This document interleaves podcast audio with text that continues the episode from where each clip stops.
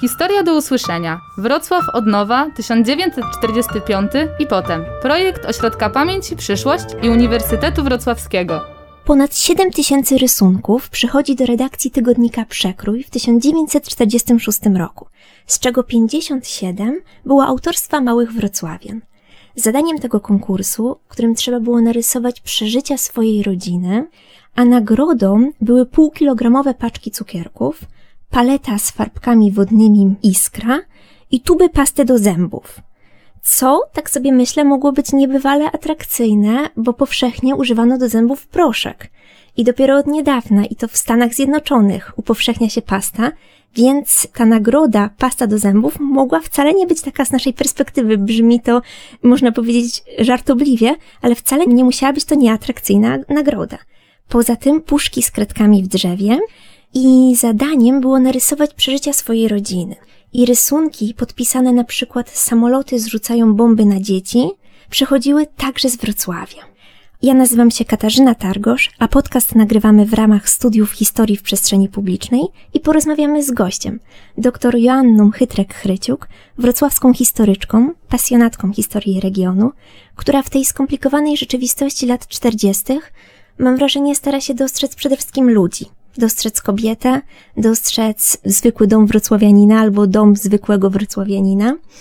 I dzisiaj w odcinku podcastów Historia do usłyszenia od nowa, Wrocław 1945 i potem, spróbujemy wspólnie odszukać w tej historii naszego miasta dziecko. Dzień dobry Państwu. Dzień dobry. Dzień dobry. Rozmowy o dzieciństwie w drugiej połowie lat 40.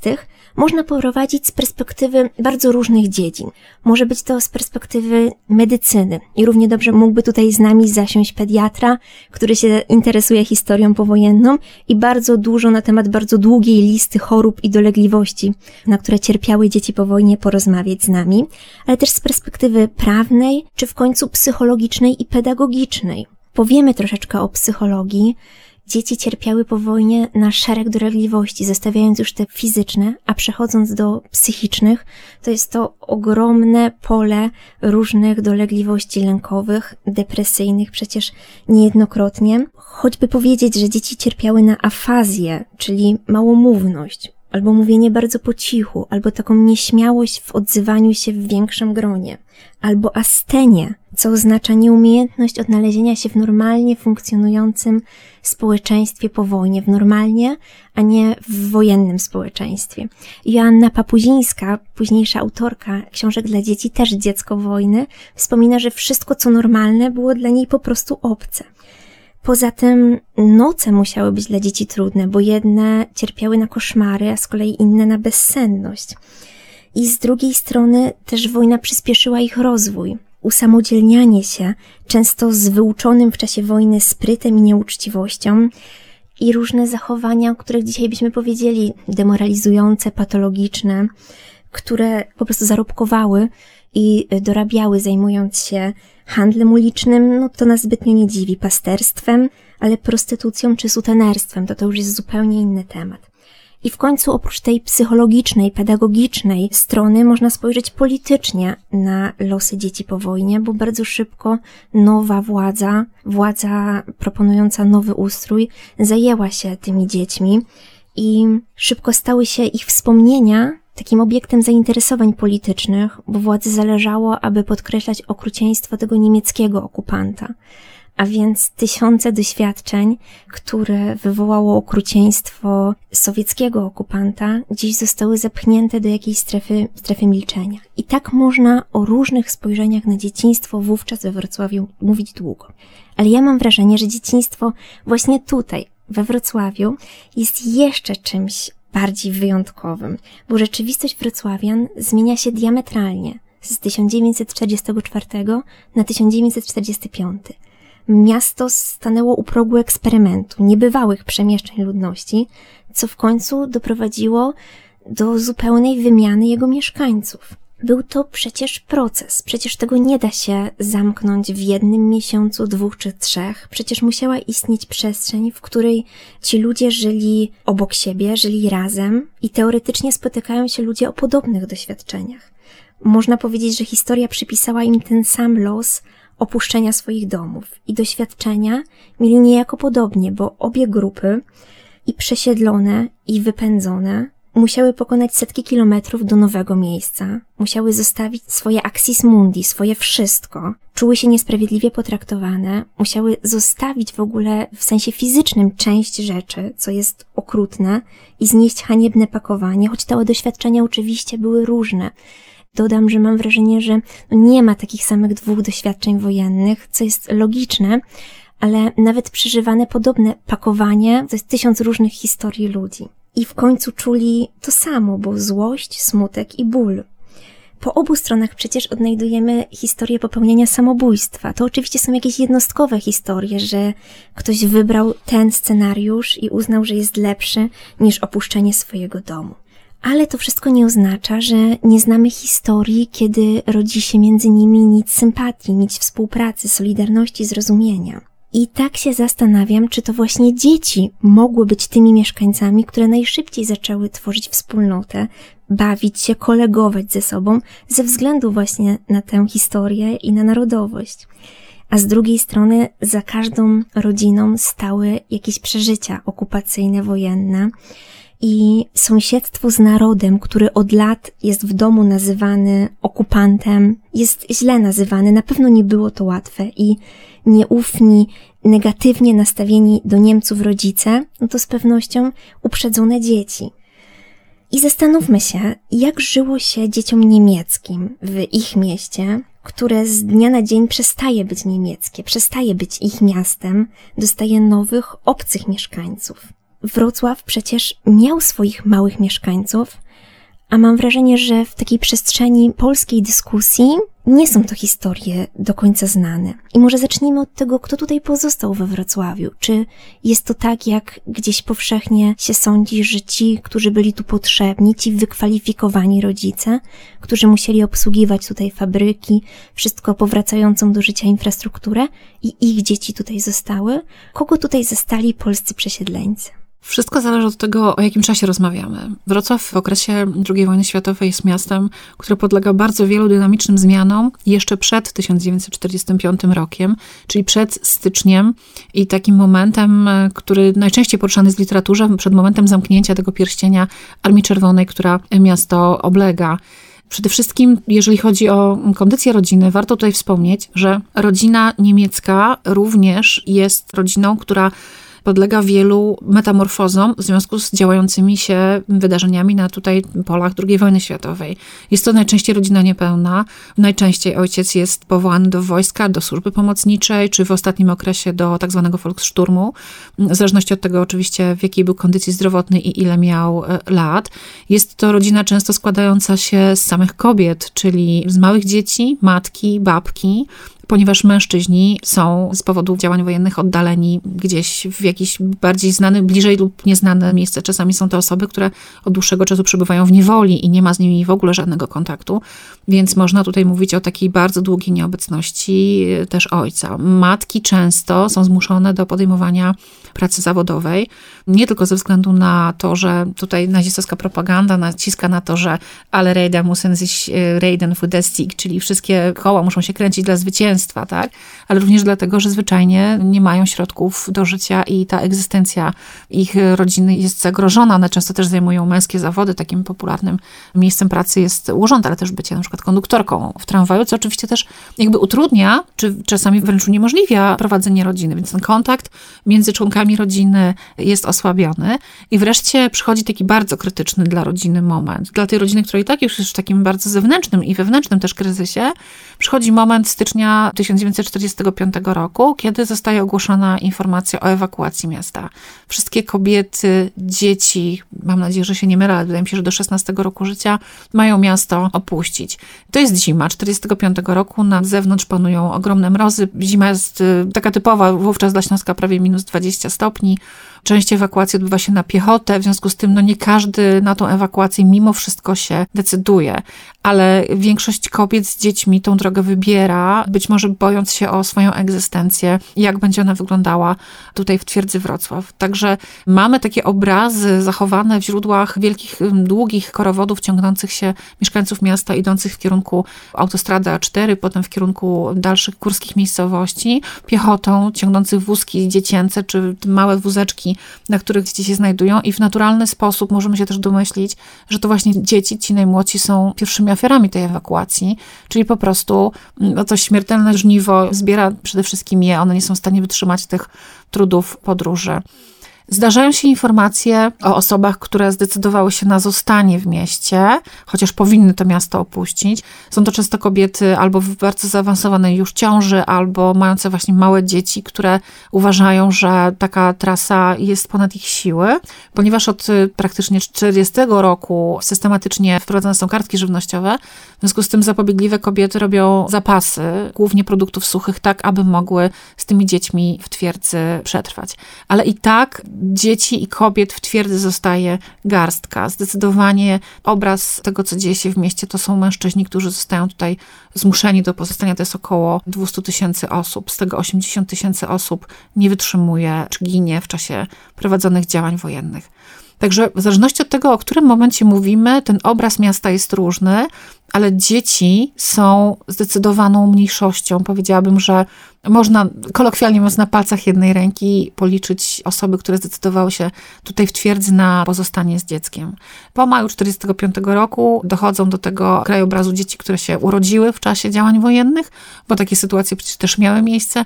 Rodzą się chociażby dzieci robotnic przymusowych, mamy takie informacje w źródłach, a też pojawiają się rodziny z dziećmi, które decydują się na powrót z takiej nieodległej tułaczki, ponieważ jeszcze nie wiedzą, że będą musiały opuścić Wrocław na stałe. My w naszym podcaście również udzielimy głosu dzieciom, usłyszymy grupę dzieci, ale właśnie nie usłyszymy tego głosu tych, którzy, którzy zostali, co może wynikać z tego, co właśnie przed chwilą usłyszeliśmy.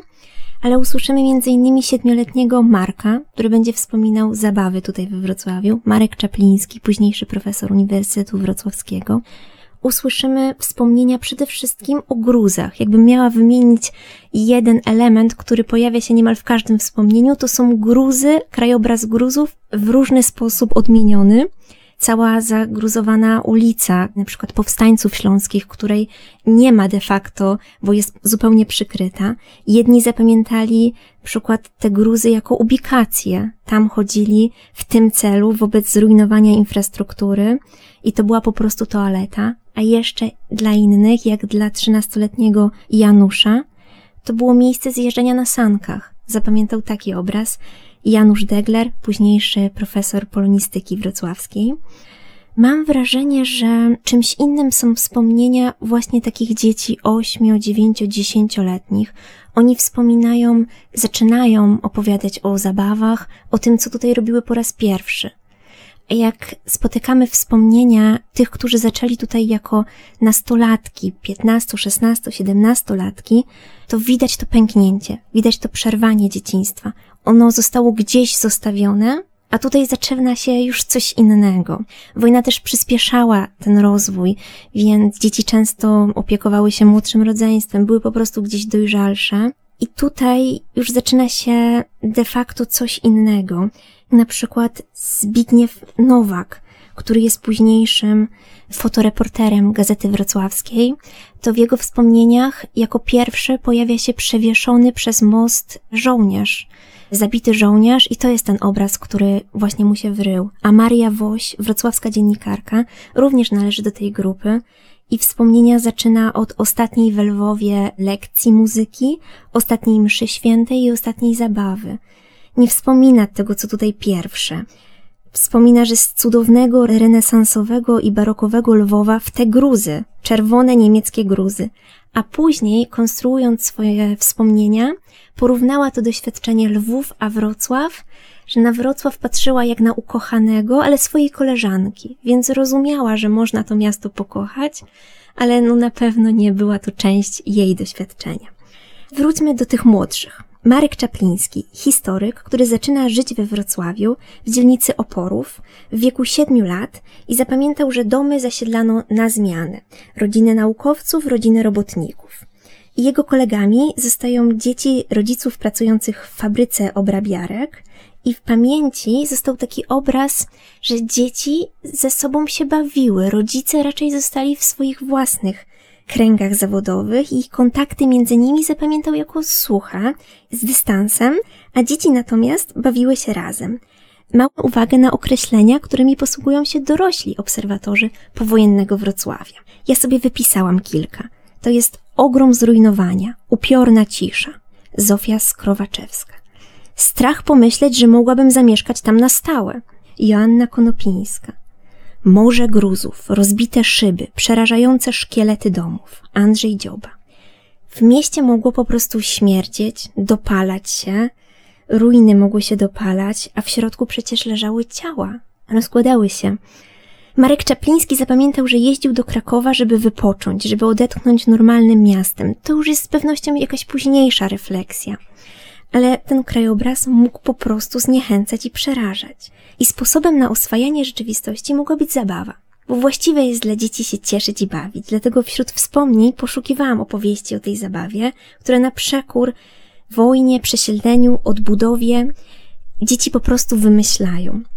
I dzieci na żuławach bawiły się w wojnę. W takim projekcie historii mówionej opowiadano, że nikt w tych zabawach nie chciał być Niemcem. Zabawa polegała na wykrzyknięciu wypowiadam wojnę Niemcom, po czym się uciekało. I zastanawiam się, czy ta zabawa w wojnę mogła być po prostu uniwersalnym późniejszym doświadczeniem, bo dzieci, przypomnijmy tutaj te rysunki, od których zaczął się nasz podcast. Dzieci czerpią z otoczenia w swoich zabawach, w swoich rysunkach. Dzisiaj dzieci też rysują maseczki już i rysują smok, nie tego z ogonem wawelskiego, tylko rysują ten smok z powietrza. I wojna bardzo długo również mogła być obecna w zabawie. W prasie wrocławskiej z późniejszego czasu, z 1958 roku, odnalazłam artykuły, w których ciągle się nawołuje, że tych gruzów jest tak bardzo dużo i że to są bardzo niebezpieczne prace zabaw, a dzieci traktują je jako wyspy skarbów.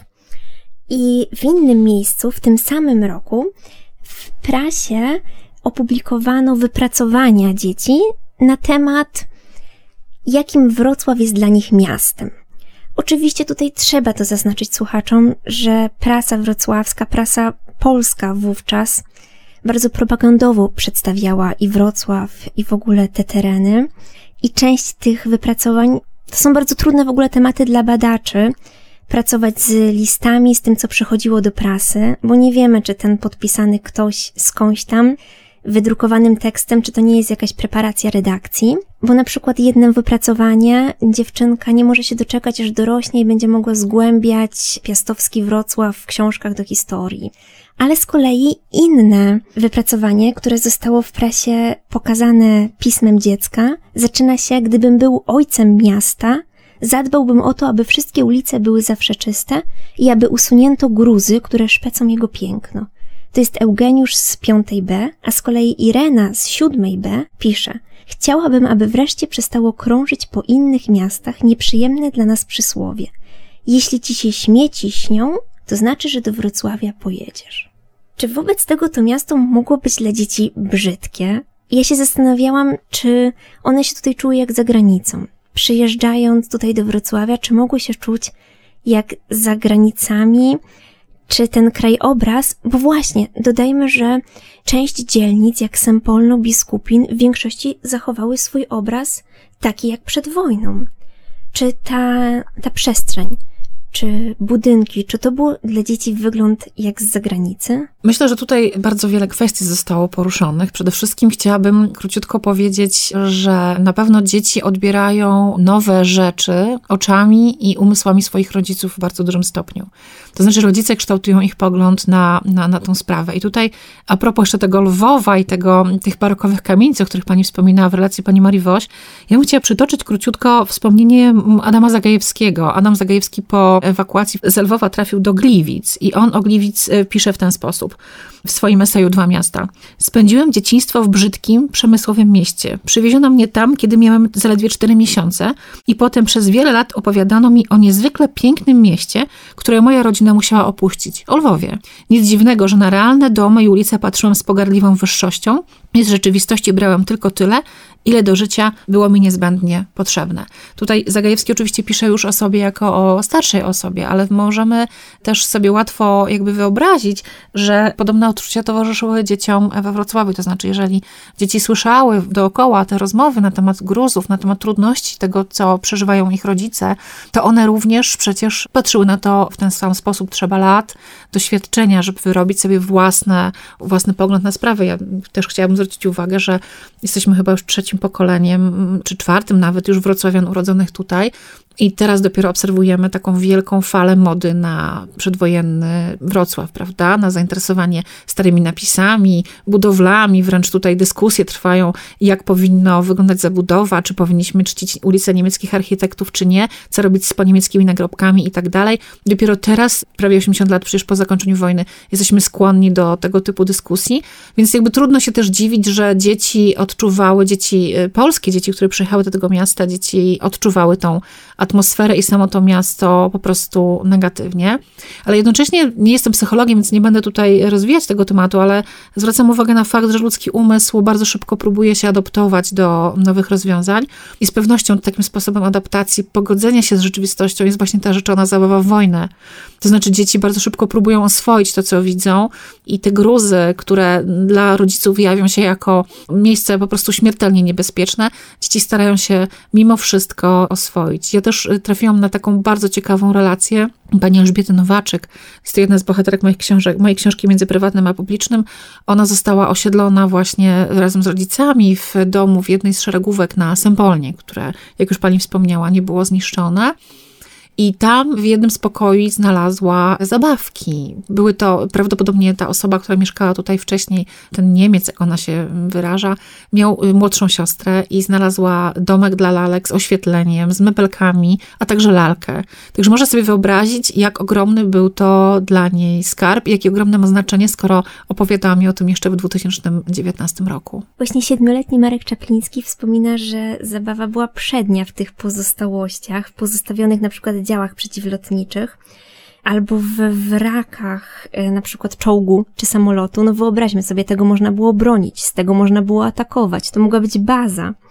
Chociaż też e, należy popatrzeć na drugą stronę i pionier z 1946 roku pisał o dzieciach, które straciły życie po prostu w, w trakcie takich zabaw. Ale nie trzeba tutaj dużo mówić, jak w oczach dziecka wygląda niezamieszkały, opuszczony budynek, jaką może być scenerią do zabawy. Marek Czapliński wspomina również o owocowaniu drzew przed takimi budynkami, i jak z pewnym dreszczykiem się tam zapuszczali z kolegami na czereśnie, na jabłka, które były bardzo dojrzałe, bardzo piękne, ale ciągle było jakieś takie przekonanie, czy na pewno z tej scenerii jakiś właściciel się nie wyłoni, więc była to zabawa bardzo kusząca. Posłuchajmy teraz właśnie zabaw siedmioletniego Marka, o których nam opowie swoim własnym głosem. Posłuchajmy nagrania archiwalnego. Mogę powiedzieć, że też moda tej epoki, dzieci się bawiły z wykorzystaniem różnych pozostałości wojny. Można było znaleźć kompletne naboje. No i rozkładaliśmy, wysypywaliśmy proch. Z tego prochu robiliśmy różne. Na przykład ulubiona zabawa to była strzelanie z klucza. Do klucza się sypało proch, zatykało się gwoździem, potem tym klucze, kluczem no, zaczepionym na sznurku się uderzało w ścianę i to strzelało. Takie różne zabawy. No, y, sprzętu nie było dużo, dlatego wobec tego na przykład sportowego, więc jest dość modne były Zośka, gra w Zośkę, czyli te y, z ołowiu z takimi prędzelkami papier, y, wełny czy jakichś materiałów. Była pseudopiłka, prawda, do, pod, do podrzucania, do kopania, prawda. No poza tym Cymbergaj też był modny, prawda, tego typu zabawy z wykorzystaniem prostego, małego grzebienia, żeby monetami się bawić. No, sporo żeśmy chodzili po okolicznym cmentarzu. No muszę powiedzieć, bardzo wcześnie był on już przez nas dobrze spenetrowany. Jakoś w ciągu dnia można było chodzić i, i różne rzeczy tam oglądać.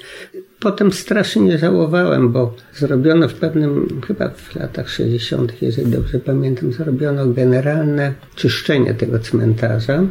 On był, zwłaszcza w tej swojej pierwszej części, która była bliżej centrum Wrocławia, tam gdzie teraz jest park, był masa ślicznych nagrobków, kaplic cmentarnych. Dla innego kilkunastolatka, który przyjeżdża do Wrocławia, Marek Czapliński ma 7 lat.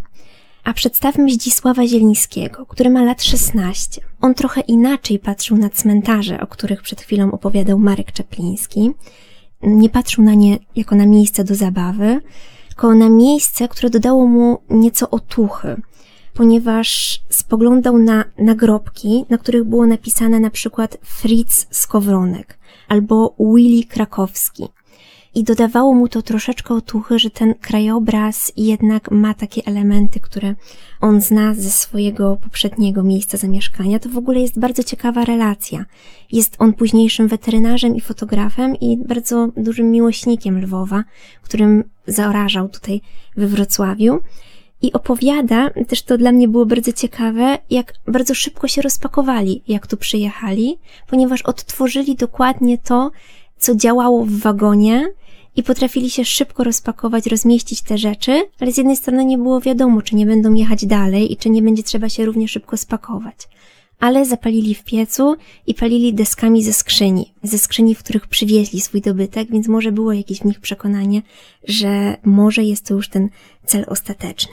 Przejdźmy teraz do szkoły, bo wojna przerwała takie normalne życie rodzinne, też ciekawe, że bardzo rzadko faktyczni rodzice posiadali swoje dzieci. To się troszeczkę rozmyło. To znaczy, kobiety na przykład opiekowały się dziećmi, przyjaciółki, siostry, kuzynki. Często na początku wojny umawiano się, kto się kim zaopiekuje w razie właśnie choroby, w razie śmierci.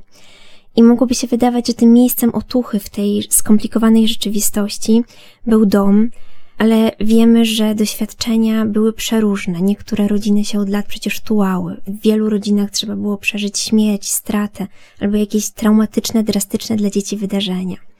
I takie dzieci z różnymi doświadczeniami spotykają się na jednym podwórku, ale spotykają się też bardzo często w jednej ławce. I przecież spotkać się mogły też dzieci, które niekoniecznie miały jakieś trudne przeżycia. Z pewnością były dzieci, które w ostatnie lata wojny przeżyły względnie spokojnie, względnie normalnie. I te dzieci spotykają się w szkole i wyobraźmy sobie, jaki to jest trudny teren dla dzieci oczywiście, ale też dla nauczycieli. Ci nauczyciele nie byli przygotowani psychologicznie do przeróżnych wojennych doświadczeń. I tych nauczycieli też, zacznijmy może też od tego, że brakowało i że nie było, bo 17 tysięcy nauczycieli traci życie w czasie wojny. Szkole brakowało wszystkiego, nie tylko nauczycieli, ale sprzętu, tablic, kredy, szkoły przede wszystkim brakowało, brakowało tych budynków. A do tego droga do szkoły prowadziła często przez zrujnowane krajobrazy, i też często już widok nawet całego budynku był dla dzieci z centralnej Polski, z wschodniej Polski, z innych rejonów po prostu obcy, bo oczom ukazywał się czerwono-ceglasty gmach. Obraz po prostu obcy. I w pamiętnikach z tamtego czasu można przeczytać o pragnieniu organizowania szkół niemal zaraz po przejściu frontu wojennego. Większość inicjatyw była oddolna, zdawało sobie sprawę, jakie to jest ważne i zdarzało się, że po prostu przyjeżdżano i szukano szkoły, pytano o szkołę. A sytuacja dla nauczycieli była o tyle trudna, że zdarzały się przypadki, że po prostu z dnia na dzień porzucał nauczyciel swoją posadę. I nie było to dlatego, że, że to był jakiś zły człowiek, tylko po prostu to wszystko było za trudne. Nauczyciele często zaczynali bez przygotowania psychologicznego właśnie, ale też bez przygotowania do tego rejonu, bo innym zagadnieniem jest praca w tak trudnym rejonie. I organizowano kursy informacyjne dla przyjeżdżających, którzy często nie mieli pojęcia, kogo w ogóle będą uczyć. I posady obejmowano też często z znikomym kierunkowym wykształceniem, mając, mając po prostu ukończenie szkoły podstawowej. Ale jeszcze ciekawym, wchodząc głębiej wątkiem, jest to zderzenie dzieci, które przyjechały tutaj z Kresów i dzieci, które tutaj wcześniej mieszkały, i takie zjawisko jak kontakty między tymi dziećmi i pojawiające się na przykład, pewnie sporadycznie, ale jednak wyśmiewanie tego niemieckiego po drugiej stronie, to było dla dzieci z Kresów umiejętność czytania i pisania po niemiecku była gorsza od analfabetyzmu.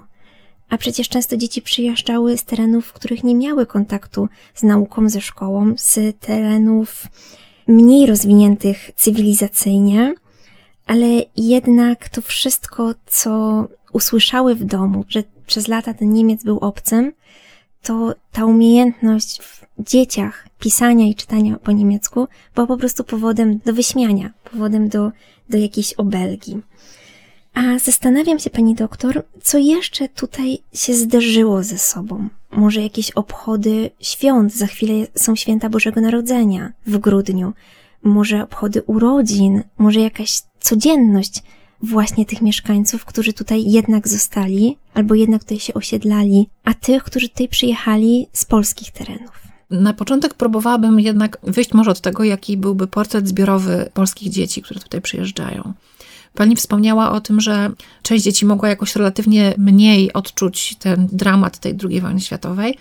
Ale wydaje mi się jednak, patrząc na stricte historyczną stronę medalu, ponieważ nie jestem psychologiem, nie będę absolutnie tutaj tego typu teorii rozwijać, dzieciństwo w czasie wojny jest zdecydowanie traumą zbiorową i to wynika po prostu ze statystyk.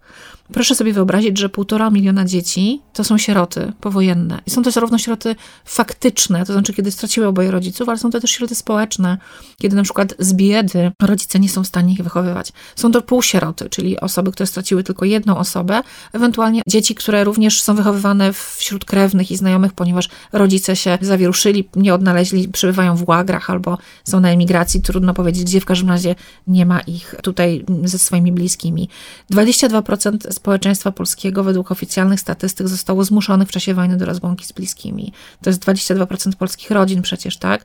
24% wyrzucone z mieszkań, 18% przeżyło przymus wysiedlenia i tak dalej, i tak dalej.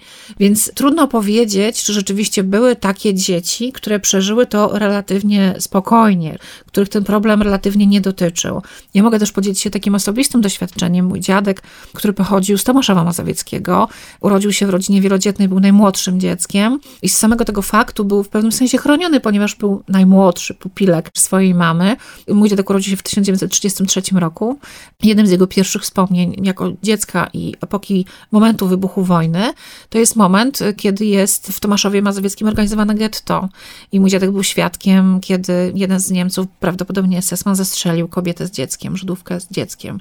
I to wspomnienie było bardzo silne i zostało z nim do końca życia, podobnie jak takie drobiazgi, które właściwie z których powinien, wydaje się, wyrosnąć, czyli na przykład niechęć do placków ziemniaczanych, to się może wydawać śmieszne, ale mój dziadek całe życie powtarzał, że on swoją porcję już za okupacji zjadł i on tego jadu nie będzie.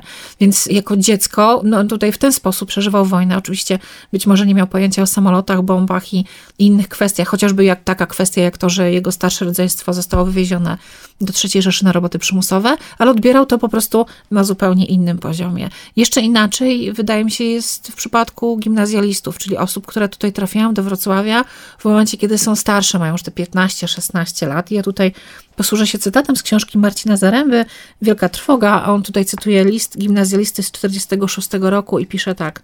Niemcy łażą po tym Wrocławiu z tobołkami, starają się nam podlizywać, pracują u nas. Patrzę na to z satysfakcją. Dobrze im tak. Wszyscy oni krytykują teraz Hitlera, ale mają do niego głównie pretensje, że przegrał wojnę. I tak za dużo się z nimi cackamy. Trzeba, by przeżyli nędzę, poniżenie, by co najmniej jakiś czas byli niewolnikami, tak jak chcieli to robić z nami. A może dla przykładu rozstrzeliwać całe dzielnice, rodziny, tak jak oni rozstrzeliwali Żydów, Polaków i innych? Należy im się to i to właśnie od nas.